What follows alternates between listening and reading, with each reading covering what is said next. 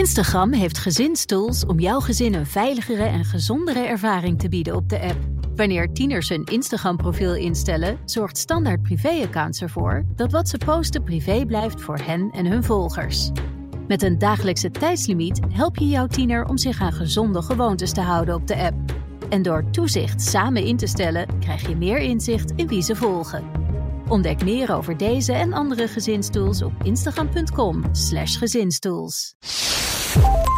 Ik had gewoon een soort parcours in mijn hele huis. Van badgel naar eh, azijn, naar bloemen, naar koffie. Begrijp je? Dat ging allemaal de hele dag. En af en toe kwam het zo terug. En dan, ja, ja, ja, ja, ja.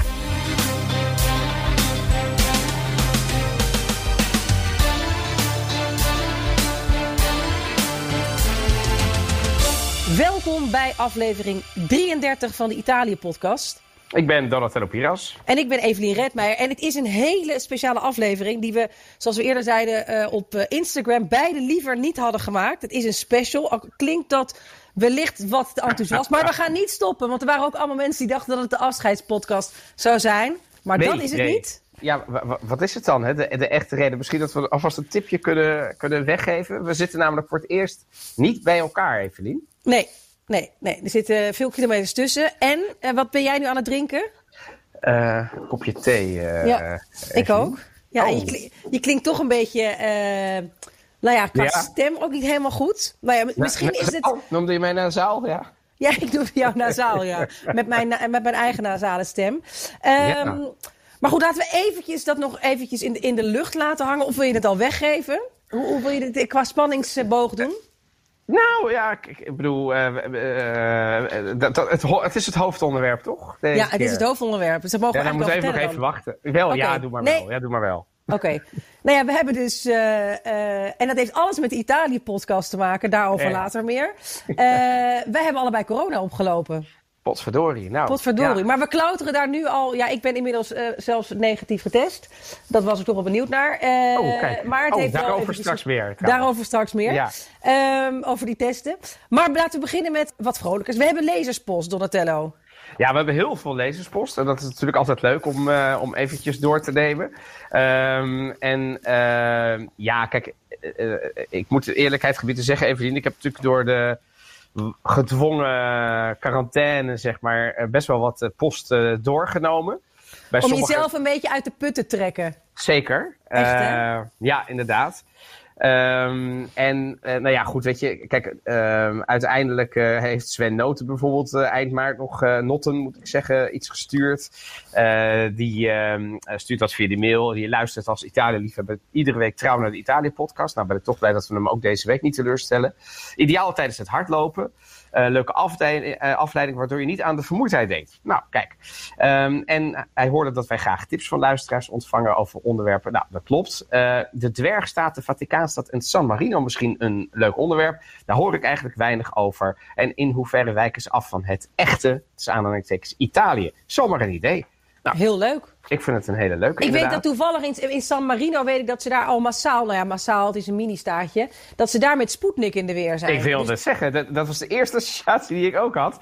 Uh, San Marino, uh, Sputnik dacht ik toen. Ik wilde ja. daar in de middag nog aandacht aan besteden. Uh, maar toen gebeurde er van alles in Nederland, dus toen hebben we dat toch maar niet gedaan. Maar dat klopt inderdaad. Ze zijn daar, iedereen in San Marino krijgt Sputnik. Ja, nou ja, goed. Dus, dus al enigszins op de wenken bediend. Ik heb daar iemand uh, gisteren van, uh, van Ton Ippel heb ik nog een, via Instagram, Italië podcast, Instagram, kreeg ik een bericht. Hoe sneller de bogen zakken, we hebben het vorige keer over de bogen in de wijn, betekent ook hoe droger. Ik dacht van, nou, vind ik toch een goede aanvulling. Oh, want we hadden toen over ja. de alcohol gaat. Maar dus ook ja. als die druppels snel naar beneden zakken, dan is de wijn uh, droger. Dus uh, bij deze. En we kregen een hele mooie mail van uh, Gisela Brouwer. Ik kan me zo voorstellen, ook omdat de mail in het Italiaans was. En ze vertelde dat ze al een flinke tijd in Nederland wonen. Dat ze, nou ja, Gisela Brouwer Turci. Dus een met een Nederlander getrouwde Italiaanse. En die was, nou ja, die, die, dat was uh, zo'n gezellige mail uh, over hoe blij ze was met de Italië-podcast. Ik vind ook wel, kijk, normaal laten wij alleen maar kritiek horen. Maar ik vind dat wij nu, nu wij zo in de corona-lappenmand zitten, mogen wij ons gewoon laven aan dit soort uh, opbeurende teksten. en dat ze zeggen van, nou weet je, ik, wat ze dan wel mis, wat ik, wat, wat ik wel aardig vond, want ze vinden het ook grappig dat we af en toe een beetje Italië. ben jij nu al wijnflessen, hoor ik op de achtergrond? Water, even oh, water. Okay. het, is, het, is ook, het is ook ochtends. Ja. Een verandering, ja. Ja, ja nee, je weet het niet. Maar goed. Mm. Um, en die zei van, ja, wat ze dan wel miste, Gisella, is dat je dus, uh, dat in Nederland alles zo beleefd blijft. Dat het altijd is, goedemorgen mevrouw, kan ik u helpen? Oh en, ja, dat zei ze, als je voor de honderdste ja, keer exact. Ook voor de honderdste keer dat je denkt, goedemorgen. Ja, hallo, ik was hier gisteren ook nog. Terwijl je in Italië dan toch, weet ik veel, een beetje praatjes hebt. En van, goh, hoe is het met die, hoe is het met dan, hoe was het op vakantie? Giorno. ja, ja, dat soort dingen. En dat vind ik dus wel leuk. En ik vond het heel leuk van, uh, jij uit het zuiden en uh, ik in het, of jij in het noorden en ik uit het woeste zuiden. Nou, dat vond ik ook erg gezellig. En leuk Tutten, dat we zo... Tutten in het noorden. En, ja, dat, en, en, dat is een citaat van iemand, Evelien. Ja, dat weet ik. Dat kan ik me dus helemaal niet meer zo voor de geest halen. Nee. Maar goed, zo, zo hebben we wel vaker uh, discussies over wat we nou wel niet besproken hebben. Oh ja, er was trouwens ook iemand die op Instagram opperde of de speciale special was dat we deze keer twee flessen wijn zouden drinken tijdens de opname. Dat valt trouwens allemaal echt wel mee, hè? Want wij doen gewoon, ik bedoel, Kinotto. Hebben wij ook, drinken, drinken wij ook er vaak, drinken we er ook wel eens bij. Sterker nog, we hebben vaak genoeg dat wij uh, in, in de omstandigheid zijn dat we er bijvoorbeeld uh, meerdere opnemen, dus twee achter elkaar. En in die situatie hebben we vaak een, al, een alcoholische, een 0,0. En dan doen we de, daar, de keer daarna weer een wijn. Dus het is absoluut niet zo dat wij alleen maar ons. We zouden wel willen, maar dat is niet heel erg verantwoord. En we willen natuurlijk heel scherp blijven tijdens het maken van de, van de Italië. Over die Kinotto gesproken trouwens, kreeg ik ook nog een mail over, uh, Evelien. In het Italiaans. Ik ga hem niet helemaal voordragen. Het is een korte mail. Ciao Donatello. Mi chiamo Luca. Um, en hij zegt, seguo a volte il vostro podcast di, di BNR Italië. Nou, oké, okay, dus hij woont in Nederland, maar ora rientrato in Italië. Dus we hebben ook uh, luisteraars in Italië, dus dat is wel leuk. Oké, okay. um, en in ehm, België, we hebben ook Vlaamse luisteraars. Oh, echt? Ja, ja, ja, dat wil ik nog eventjes noemen. Ja.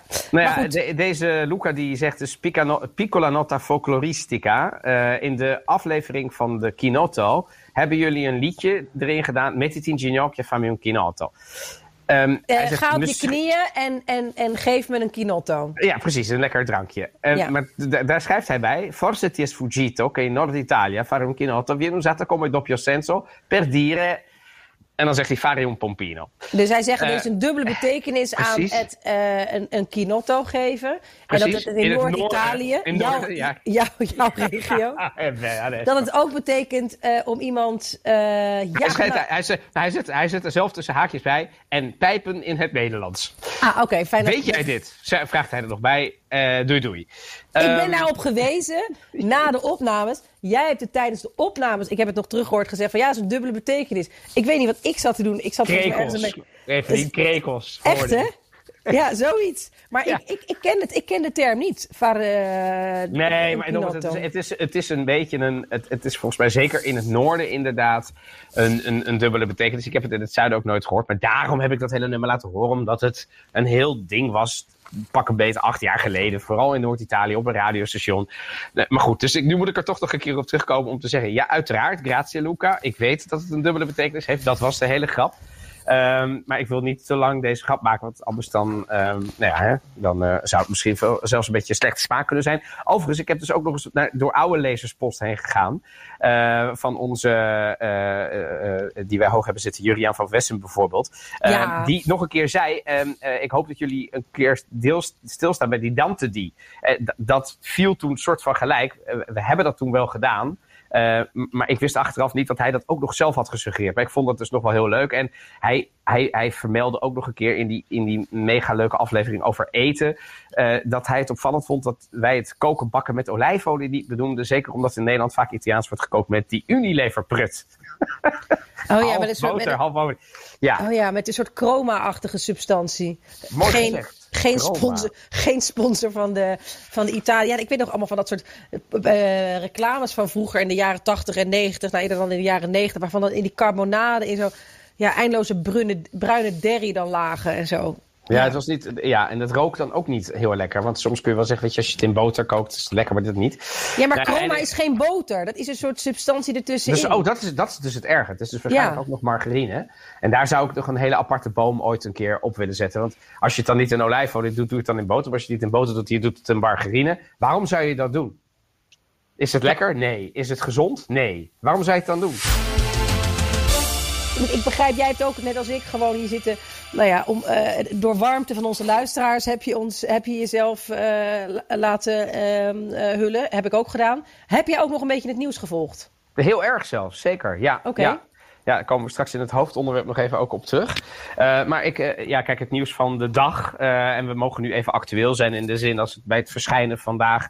Ehm, wil ik het toch nog heel even hebben over de Super League Calcio, de, de Super League. Daar heb ik me namelijk enorm over opgewonden. Heb jij het een beetje gevolgd? Ik heb het zeker gevolgd. Ik heb jou, ook jouw opwonding, eh, opwinding erover gevolgd. Ik heb een prachtig filmpje gezien op Twitter van een Engelse eh, supporter die hier in een paar minuten zich erover opwindt dat al dat soort grote, eh, rijke landen en al dat soort bazen en miljardenbedrijven geen idee hebben wat voetbal is. En ik vond het een erg mooi pleidooi. Maar ik ga nu naar jou luisteren waarom jij je er zo over hebt opgewonden. Nou, kijk, het, het is eigenlijk om twee redenen. De eerste reden is omdat ze het gingen doen. En, en mijn club, een van de voorlopers was, voor degenen die het gemist hebben. Ik ben een eh, eh, aanhanger van Juventus. Ehm, en dat betekent dat Agnelli, de, de, de, de directeur daarvan is, hè, de CEO, noem het hoe je het wil. Ehm, en dat is een van die. En dat is een in- kleinzoon van de grote Fiat, Agnelli, toch? Ja, klopt. Zeker. Ja, ja, ja, ja. Hoewel Gianni Agnelli was zijn oom en niet zijn opa. Dus het is de, Oké, de zoon van niet dus. zijn... Nee. Nee. Maar wel familie. En, eh, maar, maar zeker, hij is een... Een, een, Een telg. Een telg uit die eh, familie. En die familie, laten we dat even vooropstellen... eh, is natuurlijk een, een... Was in Italië altijd een l'avvocato. Een gerespecteerde familie. Het was een beetje een chique familie. Het was een familie die het altijd goed had voor had met niet alleen met het voetbal, maar ook met de mensen, de Fiat-werknemers enzovoort. Eh, vergelijk het maar een beetje met zeg maar, vadertje Philips vroeger in Nederland. Toen Ja, het, hè, Dat is, nou, een goede, dat is inderdaad een perfecte vergelijking. eh, dat is het al lang niet meer. Eh, en na deze stap baal ik eigenlijk nog meer, omdat dit, ja, dit, kijk, die, zo'n Maar laten we League- even, eh, eh, leg heel even uit wat de Super League is. Wat zijn de plannen van, eh, van eh Agnelli? Nou, in het kort is de Super League dat er twaalf Europese topclubs, dus naast Juventus nog twee Italiaanse clubs, Inter en AC, drie Spaanse clubs, mag je raden wie, de twee Madrileense en Barcelona, en dan Ja. ook nog zes Engelse clubs, de topclubs. Eh, die, gaan samen niet, die gaan samen uit de Champions League, dat is de bedoeling, en die gaan met z'n twaalf een gesloten league vormen, dan mogen er nog vijf bij. Ehm, om een Super League te vormen. Dus met de beste clubs ter wereld uit die Champions League. Want die Champions League vinden ze een beetje vervelend worden. Eh, want ze spelen dan ook nog allerlei oninteressante wedstrijden naar eigen zeggen. En dat vinden de supporters niet meer leuk. En met name de jeugd, echt de jeugd-jeugd. De 10 tot 15-jarigen nu, die, die, die willen gewoon alleen maar de topwedstrijden zien. Dus zo'n idee voor zo'n Super maar dat League is werd toch geboren. flauwekul? Even, heel even, dat is toch flauwekul? Je hebt toch, ja, misschien dat, dat de allergrootste hitwedstrijden meer kijkers hebben. En ook meer, maar je hebt toch gewoon altijd aanhangers van clubs die gewoon Ja, heel. Kijk, of het, het, het zal ongetwijfeld een beetje waar zijn. Namelijk, ehm, het is best waar dat die, die Champions League. eh, kijk, de kampioen eh, van eh, bepaalde clubs in Oost-Europa. die zijn natuurlijk wereldwijd niet zo populair als, eh, als een, een, een Engelse Chelsea. of een Manchester City. of een Paris Saint-Germain. of een Juve. of een Madrid. Dat, dus dat zijn echte topclubs. Alleen, kijk wat daar, wat daar gebeurt, en dat vind ik niet erg als communicatiespecialist, begrijp ik ook nog wel wat zij hebben gezegd aan Jelly, maar ook zeg maar de, de, voorzitter van Real Madrid. Ehm, wij gaan het voetbal weer een nieuwe impuls geven, want zo'n Super League is eigenlijk altijd een interessante wedstrijd, krijg je dan. En we spelen dan het hele jaar tegen elkaar. Ook met, uit, met, met, met op een gegeven moment halve finales, finales. En dan is het de winnaar van de Super League. En daarmee trekken ze zich dan terug uit de Champions League. En, Maar kijk, dat is toch. Ja, maar dan, dan krijgen wil je dus eigenlijk, is het heel kinderachtig gedacht. We willen alleen maar superwedstrijden. Maar dat betekent wel dat. Ja, het die heeft twee natuurlijk ook geld te maken. eh. Natuurlijk. Dat dit gaat- natuurlijk. kijk, zo'n Juventus krijgt zo'n 120 miljoen per jaar, is best veel geld. Maar met zo'n Super League krijgen ze misschien wel het dubbele, als het niet meer is. Maar zelfs En- sportief begrijp ik het niet. Want uiteindelijk is er toch ook een bepaalde romantiek dat er onverwachte winnaars kunnen zijn. Of dat er op een gegeven moment hele onverwachte verliezers kunnen zijn. Wat natuurlijk een beetje hetzelfde Ja. is. Maar begrijp je, als je alleen maar de top Vanuit tegen elkaar... supportersperspectief eh, heb je natuurlijk helemaal gelijk. Dus... En dat is, dat is ook die, die, die, die Engelsman die we uh, uh, zojuist aanhaalden. Die, die zegt dat ook. Alleen kijk, die clubs hebben een groot probleem. Dat is een, het gaat nu te ver om het helemaal technisch uit te leggen. Maar het is gewoon een financieel probleem. De meeste clubs zitten gewoon aan de grond. Uh, en um, de Champions League is leuk voor clubs, bijvoorbeeld zoals Atalanta, die krijgen daar best wel veel geld van. Maar voor een Juventus is, is, is het op dit moment, omdat ze moet enorme uh, druk hebben op de balans, komen ze uit de rode cijfers. Niet uit de rode cijfers dit jaar. En vorig jaar ook al niet. Dus er is gewoon een enorm financieel belang om uit die Champions League te gaan en nog iets beters te doen. Of om die Champions League te hervormen en het beter te doen. Nou, waarom ik het ze verwijt is omdat uh, Agnelli was tot voor kort, zat gewoon als bestuurder, samen met onder andere Michael van Praag en anderen, in die uh, ECL en in de UEFA, was vertegenwoordiger, heeft zich dus uitgesproken tegen al die mannen. Van jongens, uh, wij doen gewoon mee hoor. Dus we gaan gewoon de nieuwe Champions League doen. En overnight, letterlijk overnight, van zondag op maandag, trok hij de stekker eruit. Heeft hij, zich, uh, uh, heeft hij zichzelf ontslagen zeg maar, uit zijn functies bij de UEFA. En is hij dit gaan beginnen. En hij heeft gelogen tegen iedereen. Dus er is een, een ontzettende bouffera ontstaan. Ik baal ervan dat met name Juventus dit heeft gedaan. Dus de, de voorheen ooit club die die, die, die dit soort praktijken niet deed, is nu de eerste om dat te doen. Dus daar ja, maar het is wel zo. Ik denk dat heel veel. Uh, en Juventus heeft veel vijanden. Ook heel veel vijanden naar Juventus kijken. Zie je typisch weer Juventus. Het gaat alleen maar om geld. Uh, het is gewoon een bedrijf, ja. geen hart voor de sport. Ja. Dus de, eventjes, dat, ja, dat. Maar het, inmiddels, wat ik en, wel en mooi... die mensen worden nu ook nog eens bevestigd hè, in, in, hun, in hun statement. Dus dat, mi piange il cuore. En uh, daar ten tweede, en daar wil ik wel veel korter bij stilstaan, is de hypocrisie van de UEFA en de FIFA. Het is niet te doen gewoon op dit moment hoe erg het is dat de UEFA en de FIFA door die uh, door die gaf, die faux pas van onder andere Juve en al die andere clubs, die zien hun kans schoon, waardoor mensen zoals Infantino en uh, Severin nu um, eigenlijk zich opwerpen als de hoeders van de gewone sport. En dat moet niet gekker worden. Want WK Qatar 2022, dankzij de corruptie van Blatter, tot stand gekomen. Het ging alleen maar over geld. Uh, Platini en uh, de UEFA hebben al heel lang boter op hun hoofd gehad. Kortom, als er twee corrupte instanties zijn, sorry to say, dan zijn dat UEFA en de FIFA. En door deze faux pas komen die er nu ook nog eens een keer uit als... Oh, maar wij zijn er voor de gewone voetballiefhebber. Het is om te walgen, echt. Ja, maar het is wel mooi, vind ik, dat er een bepaalde kritiek die, die zo hevig losbarstte... te vergelijken met de Field Lab uh, evenementen uh, dichtbij het. Nee, maar dat er dus een ja. bepaalde kritiek, en dat is toch denk ik te danken aan ja, toch ook wel iets positiefs van social media. Dat er een soort volksopstand komt van ja, maar dit kan niet. En ja. dat er dan ook echt een streep doorheen wordt gezet. Ik vind dat wel uh, verfrissend, wel louterend. Overigens staat er, begrijp ik, uh, vandaag nog Agnelli uh, een, een, een, een interview. interview. Ja. Ja. Waarin hij vertelt over de voordelen van de Super League. Ja, het schijnt wel echt een boef te zijn, die Andrea Agnelli. Ja, nou ja, kijk, nogmaals, ik vind het niet erg dat je dit doet. En ik kan het op sommige vlakken ook nog wel begrijpen. Maar had het dan ook eerlijk gezegd, had dan ook gezegd, dit, dit is ook een heel erg financieel omkleed. Um, dat vind ik niet erg. Maar nu doe je net alsof je de hoeder bent van het voetbal. Terwijl het heel erg om geld gaat. Um, en ik had het van Juventus uh, gewoon niet op deze manier verwacht. Het is zo vuil spel wat er gespeeld is. En nu ligt het op straat. Dus er is een enorme reputatieschade. Volgens mij vooral voor Real Madrid en zijn voorzitter. En voor Juventus en zijn voorzitter. Dus er, gisteravond werd er zelfs al gespeculeerd over het aftreden van Agnelli. Dat uh, heb ik nog niet eerder gehoord in deze. Wordt vervolgd. Dat is al zo'n lekkere dooddoener om ergens een punt nou, te ja, zetten. Ja, ik ben wel, nee, ik ben wel nee, maar dit is serieus. Want we hebben nog nooit zo dicht op de actualiteit opgenomen. Als het goed is, komt deze over een uur uh, online, ja. deze podcast. Precies. Ik heb ook nieuws. Ja, ik wat denk heb jij? Uh... Nou ja, ik weet niet of jij bekend bent met, vooral als je wat toeristischere ijswinkels in Italië hebt, waar die gigantische ijsbakken zo fluffy zijn. Dat het er helemaal zo bovenop uh, ja. golft. Ja, en daar willen ze nu, dat is het, want dan spuiten ze er lucht in, zodat het dus fluffier eruit ziet.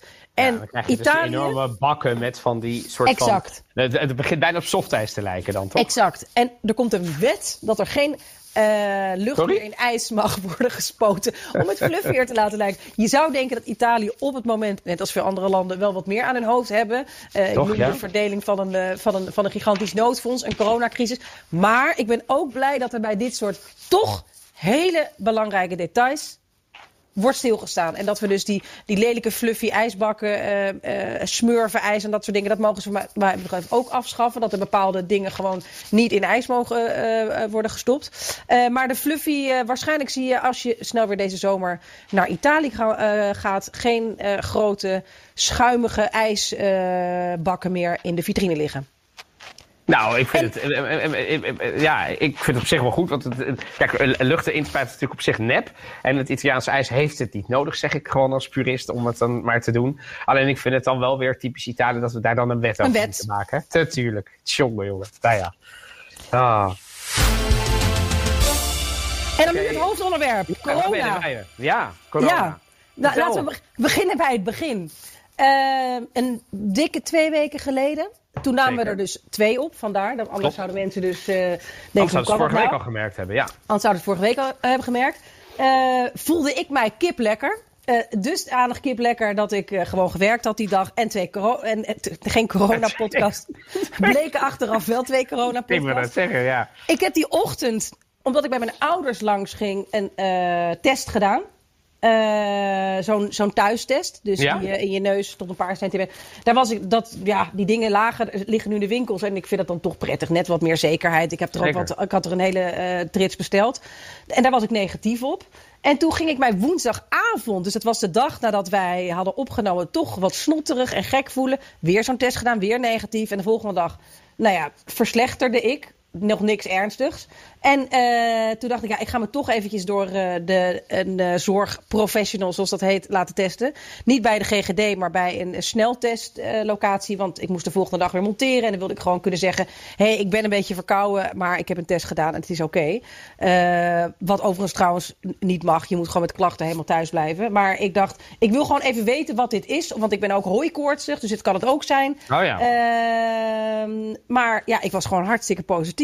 En toen mocht ik jou bellen. Oh ja, ja, precies. Maar de GGD zei, dus de GGD belde dit en dit. En eh, ik hoefde voor ouders geen zorgen te maken. Alleen de mensen met wie ik nog woensdagavond had gegeten toen ik verkouden werd. En nog iemand waarbij ik die woensdag langs was geweest. Uh, die moest in quarantaine. Uh, maar jij, want wij zaten met glazen schermen.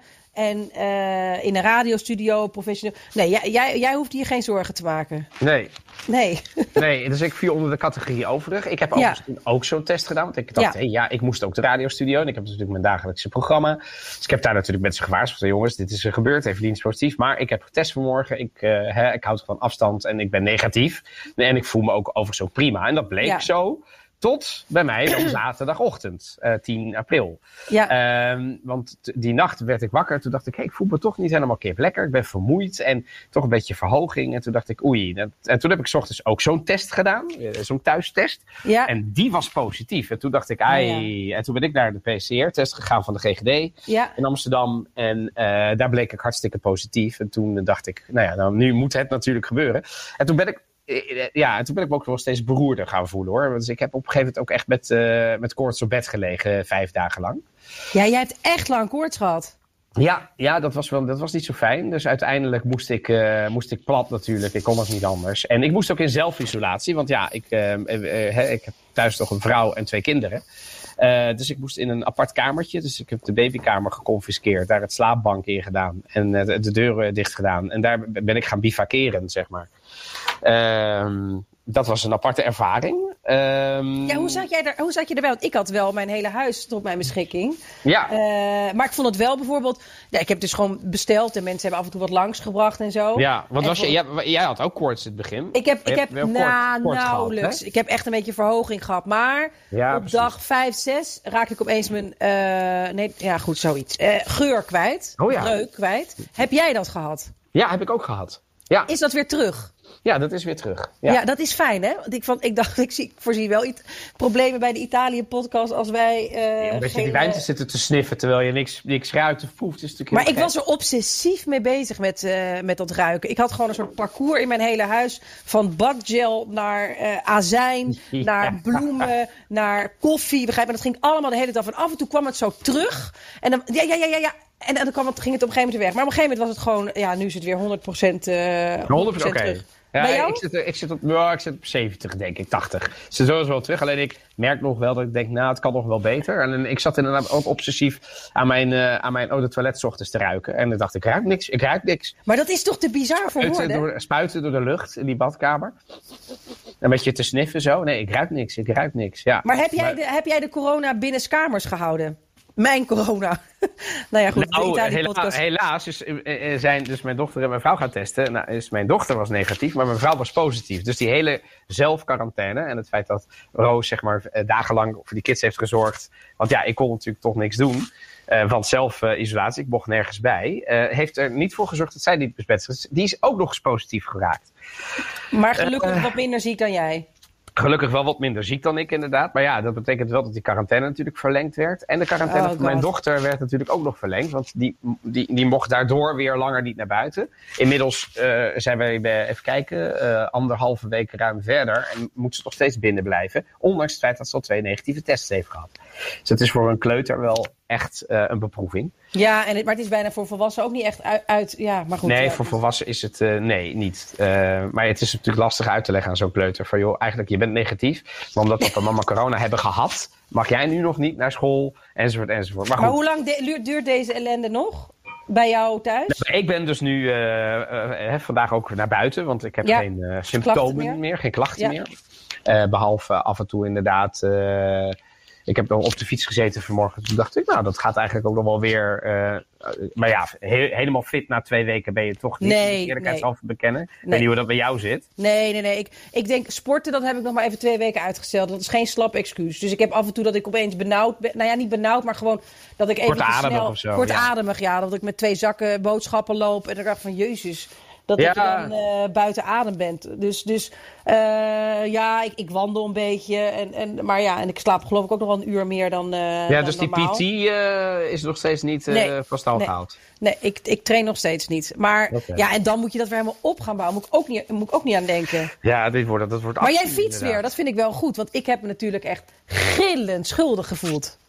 Jij? Ja, Omdat, omdat, omdat, omdat naar alle waarschijnlijkheid ik het van jou heb gekregen. Ja, maar ja, ja kijk, weet je, nou dat is toch wel... Nee, dat, dat weet ik, dat weet ik. Maar Die- het is wel te kloten voor woorden. Want ik was dus op een gegeven moment... Het was echt zo aftellen. Oké, die uit quarantaine. Want die zat op dag vijf en die zat op... En iedereen testte negatief.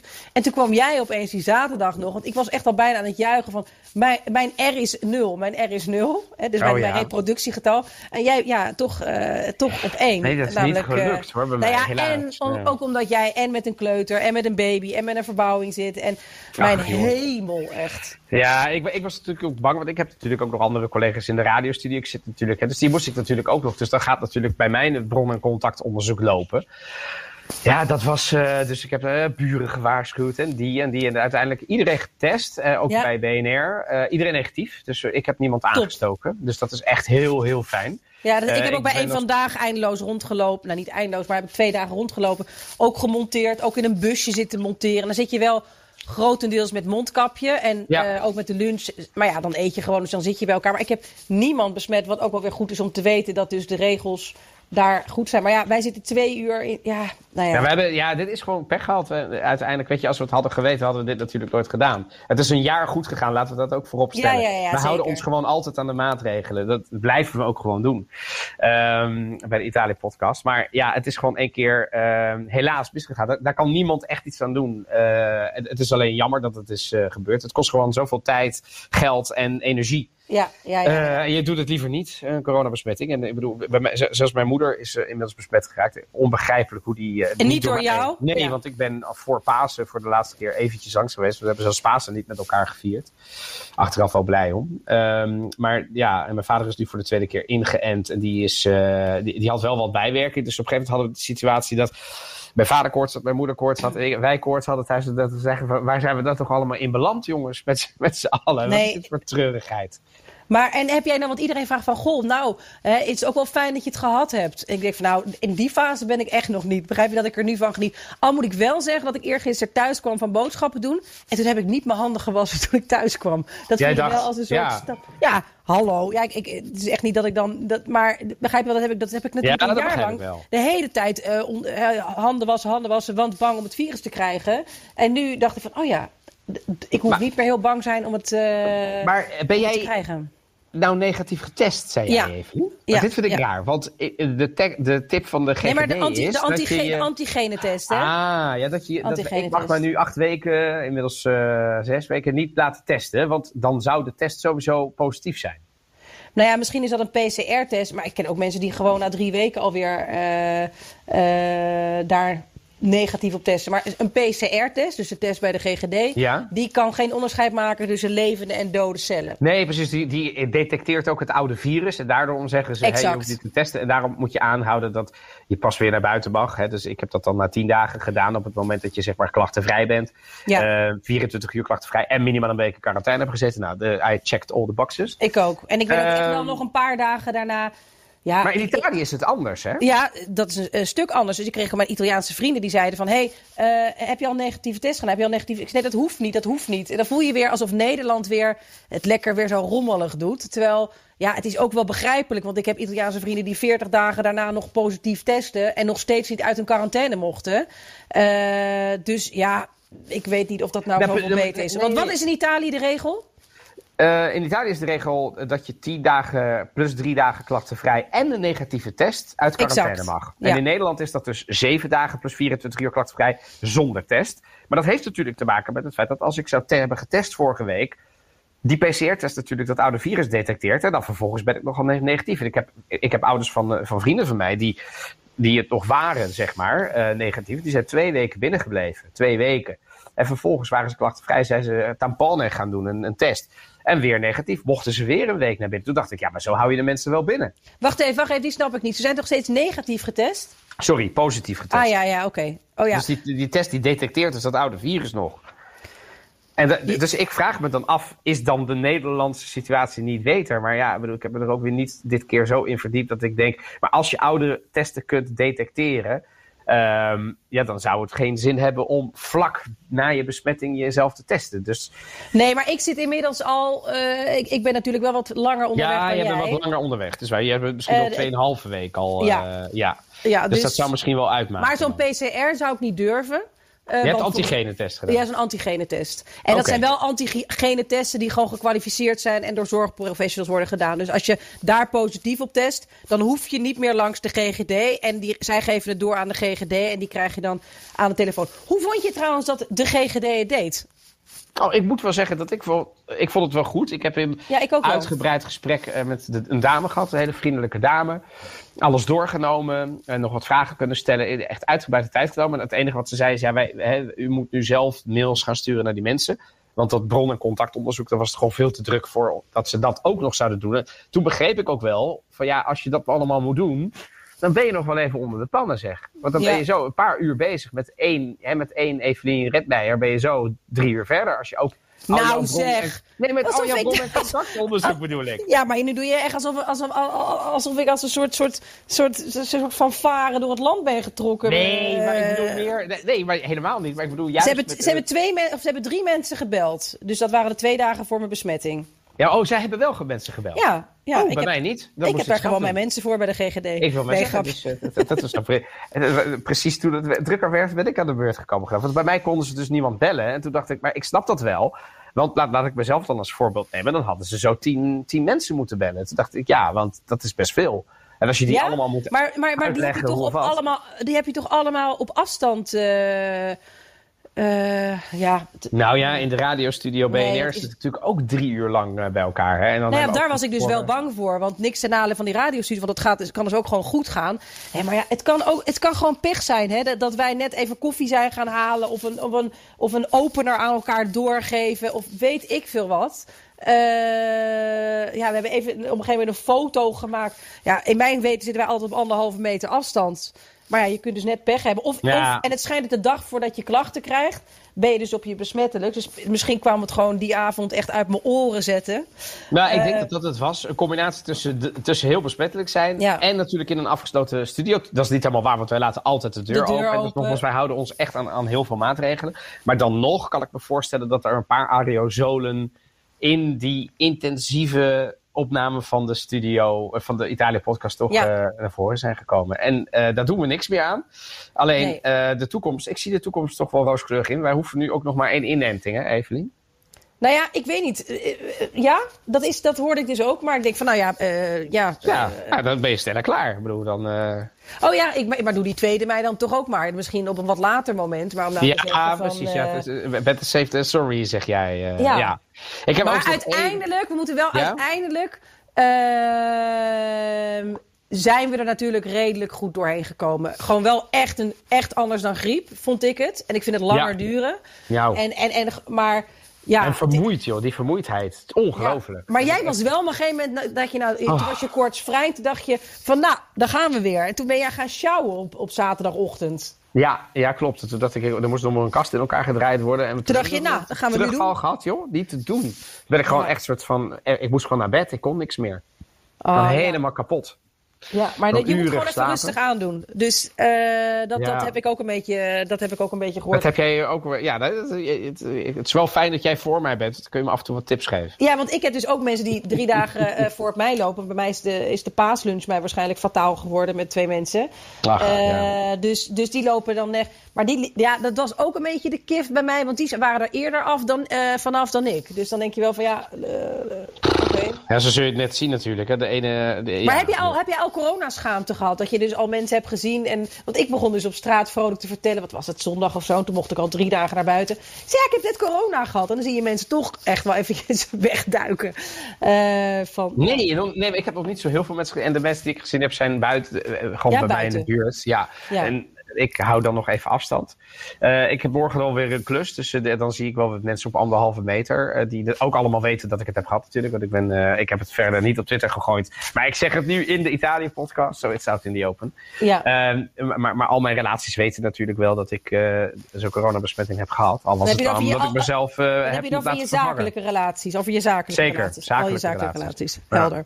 Ja. Maar ehm, wat, wat is er nog iets anders qua verschillen tussen Italië en Nederland op het moment? Behalve dat ze dat kleurensysteem hebben. En ik vind dat eh, de meeste, er, er- zijn echt genoeg provincies die meer vrijheid hebben gehad dan Nederland de afgelopen maanden. En ik hoor dat Eh, daarover.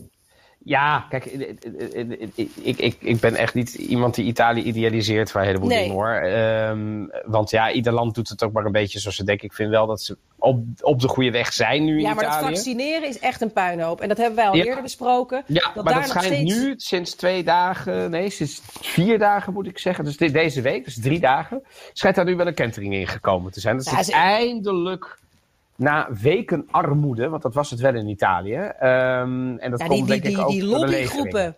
Ja, Ja, maar ook die ja. lobbygroepen. Hè. Op een gegeven moment zeiden Daar heb jij het over rechters... gehad. Ja. Ja, en, en die officieren van justitie die zeiden, ja, nu willen wij ook. En de politie Precies. ook, en het leger ook. En, En daar hebben ze gewoon naar geluisterd. Dat hadden ze nooit moeten doen. Maar het Nee. dat Draghi nu wel met die eh, generaal die eh, is aangesteld, nu de, de, de touwtjes strakker in handen heeft genomen. Dat En gaan we ook op de voet volgen. Want wij hier in Nederland is natuurlijk ook de groep steeds sterker van Hugo de Jonge is minister, heeft al heel veel. Is er niet gewoon, is het niet beter om een externe coronacommissaris aan te nemen, aan te stellen? En dat hebben ze in Italië, hebben ze dat. Dus het is toch wel interessant om te kijken of dat nou iets uitmaakt. En niet dus- zomaar iemand. Nee, precies. Dat, dat, dat kunnen we inderdaad wel doen. Overigens, eh, minister Hugo de Jonge is vanmorgen, as we speak, bij eh, de Janssen. eerste vaccinatie van het Janssen-vaccin natuurlijk. Eh, Dus eh, wij zijn eh, ook weer... De... Nee, er is nog één ding. Roberto, Roberto Burioni, zegt die naam jou iets? Zeker, de beroemdste viroloog van Italië. Ja, die... eh, Heb ik geïnterviewd voor één vandaag. Wie is dat? Wie is dat? Eh, die was, zit, die, ik eh, heb eh, ook wat meer naar de Italiaanse televisie gekeken in quarantaine. Dus ik heb naar Tempo Che Fa eh, Ja. op zondagavond gekeken. Van Fazio. Eh, vind ik altijd een hele leuke eh, show. Ja, En wel, hij altijd, houdt- wel de Italiaanse duur altijd. Hè. Een uur of drie kijken ze niet van op. Oh, zeker. Nee, nee, nee. Dat, bedoel, denk je, nu, nu zijn we er toch wel. En dan op een gegeven moment is er dan nog een soort nazit talkshow met tien gasten all'Italiana. Waarin Ja. iedereen door elkaar praat. Iedereen ook nog een sketch moet doen. En dan is het gewoon bijna middernacht. Dat vinden ze helemaal niet gek. Nee, zeker waar. Maar daar komt helemaal aan het begin Roberto Burioni. in. Die houdt een lezing van een minuut of tien. Aan de hand van kijkersvragen over corona.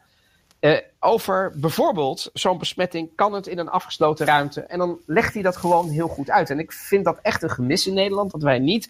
Tuurlijk, we hebben een persconferentie, maar dat is echt van een hele andere orde. En we hebben talkshows. Maar dit is gewoon kort, krachtig, Ja, heel Ik ben feitelijk. het daar zo mee eens. We moeten daar toch veel meer aan doen, jongens. Nou ja, en ook bepaalde regels uitleggen. Want ja, eh, die, die één persoon bezoeksregeling, hè. Ik, Ja. eh, uiteindelijk heeft het natuurlijk niet, niet, zozeer te maken met dat jij dan niet besmet raakt of zo. Maar het gaat er ook gewoon om dat jij dus een paar dagen uh, rond kan lopen, heel besmettelijk, zonder dat je het weet. En ja, als je dan maar gewoon één persoon per dag bij je thuis hebt, dan is gewoon de gevolgen daarvan zijn gewoon heel klein. En ja, bepaalde dingen die bij mij echt kwartjes zijn gevallen nu, nu ik het zelf heb, nu ik zelf mensen heb moeten bellen, nu ik zelf in de stress heb gezeten van goh, wie heb ik allemaal aangestoken, denk ik van jeetje, dat, is, dat had toch ook wel helderder kunnen uitgelegd kunnen worden. Dus ik ben, is die bouillon, die 10 minuten, is dat ergens op YouTube te zien? Is het de moeite waard om dat even op te zoeken en misschien op onze Instagram uh, te, te zetten? Ik ga daar zo eventjes naar zoeken. Ja, dat vind ik wel een goeie. Ik, ik weet niet of die ook op YouTube is, maar ik denk, ik denk het wel. Laat ik het zo zeggen. Ik weet dat Twitter zet het altijd, uh, de, het, het programma Tempo Cava zet altijd kleine fragmentjes op Twitter van de bouillon. Want dan kunnen veel meer mensen dit zien. Ik vind het altijd super nuttig. het is met graphics. Hij legt het gewoon kort en krachtig uit en ik heb er best wel wat aan gehad.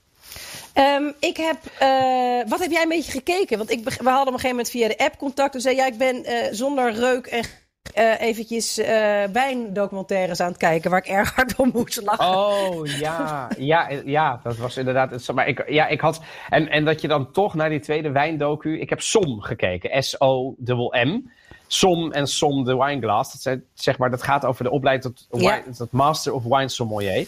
Nou, dat, is echt fantastisch. En uh, ik kreeg op een gegeven moment zelfs zin, ondanks mijn corona en mijn 38,5 koorts in, in, in een glas Riesling naar, naar, naar achter kantelen. Gewoon. Dat heb ik niet gedaan, uiteraard.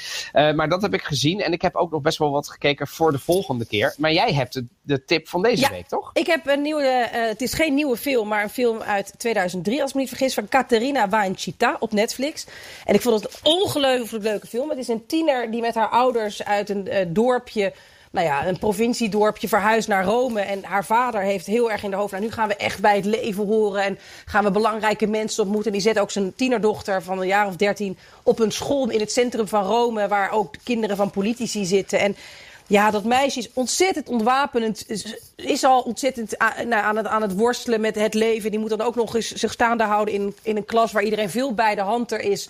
Want stadskinderen. En je ziet daar heel erg ook dat gepolariseerde wat al in de tienerjaren in Italië is. Hè. Dus je hebt aan de ene kant de, de, de fighetti, de, de, de, beetje de kakkers, om maar zo maar te zeggen. Mm, die zijn papa. Exact, maar dat, is dus, maar dat je zelfs daar ook al de alternatieven, dat zijn dan, die zijn dan meer links, maar dat, ja, en dan die andere zijn meer rechts. Communistisch, dat een communistisch. Exact, ja. exact, dat zijn de communisten. En het is echt, echt een hele leuke film met ontzettend goede uh, acteurs. Dus uh, daar heb ik me Appel. gisteravond uh, goed mee Wat vermaakt. goed zeg. Dus toch. Caterina Wancita. En ja, dan zijn we eigenlijk alweer aan het einde gekomen van deze speciale corona-special van de Italië-podcast. Volgende week weer gewoon uh, samen in de studio. Uh, volledig uh, immuun tegen welke variant dan ook. en wat Zeker. gaan we dan doen? Nou, dan gaan we het hebben over innovatie. Uh, sinds Leonardo da Vinci kunnen de Italiaanse ingenieurs en de uitvinders best iets. We hebben er ook een hele leuke cultuurtip ook bij, gaat ook over innovatie. Tegenwoordig is de maakindustrie verenigd onder de welbekende naam Made in Italy bekend en goed voor zo'n 585 miljard euro jaarlijks. Maar wij gaan erachter komen hoe het ermee staat. De Italianen, zo goed in innovatie en design, maar ja, aan de andere kant, waarom staan sommige zaken er dan bij alsof het in het toerisme bijvoorbeeld nog altijd de jaren 60 zijn, zoals hotels, restaurants en sommige interieurs. Wij gaan er dieper induiken. Volgende week ook weer de wijn. En hopelijk maken we dan ook bekend waar onze eerste locatieuitzending deze zomer gaat zijn. Oh, allemaal mooie vooruitzichten uit het einde van de coronatunnel. Dit was aflevering 33 van de Italië-podcast. De show die we liever niet hadden gemaakt. Maar we zijn er weer. Althans, bijna weer. Helemaal weer op het oude niveau. En uh, ik heb er zin in. En geen zorgen, we gaan er gewoon mee door. Tot de volgende ja. keer. Tot de volgende week.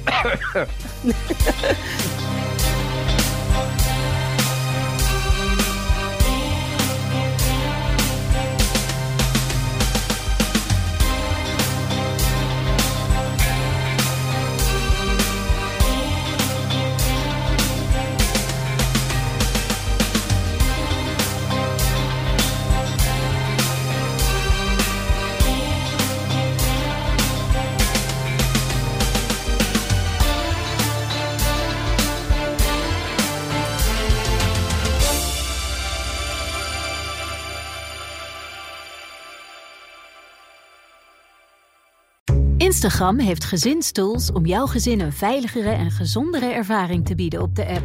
Wanneer tieners hun Instagram-profiel instellen, zorgt Standaard Privé-accounts ervoor dat wat ze posten privé blijft voor hen en hun volgers. Met een dagelijkse tijdslimiet help je jouw tiener om zich aan gezonde gewoontes te houden op de app. En door toezicht samen in te stellen, krijg je meer inzicht in wie ze volgen. Ontdek meer over deze en andere gezinstools op instagram.com/gezinstools.